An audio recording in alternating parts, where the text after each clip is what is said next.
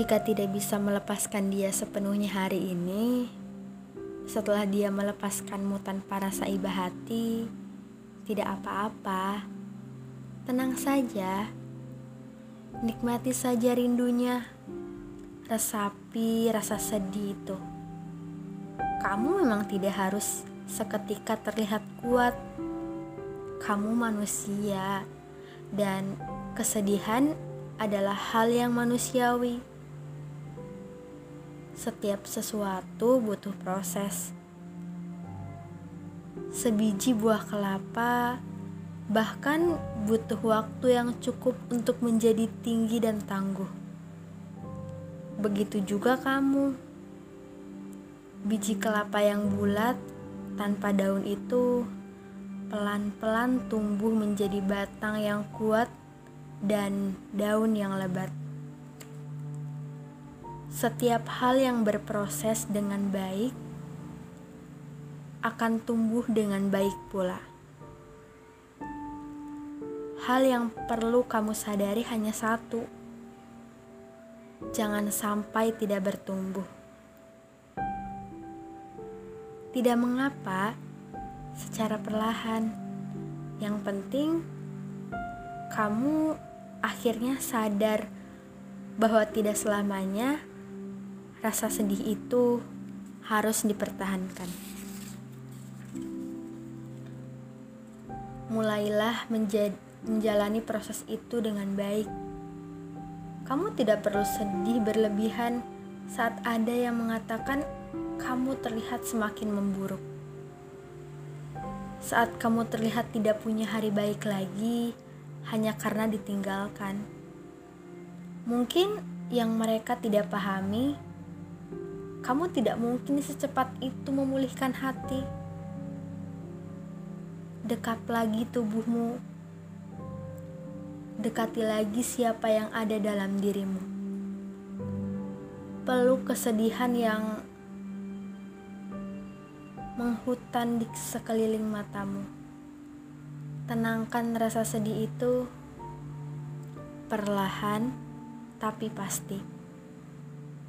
Biarkan kesedihan itu sedikit demi sedikit pergi.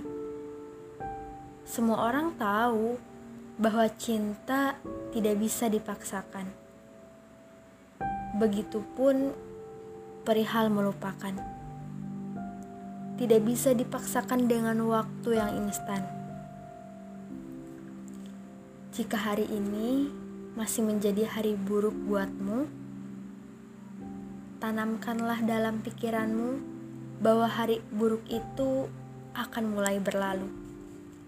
Besok adalah hari yang baik. Besok adalah hari yang akan membuat dirimu kembali menarik.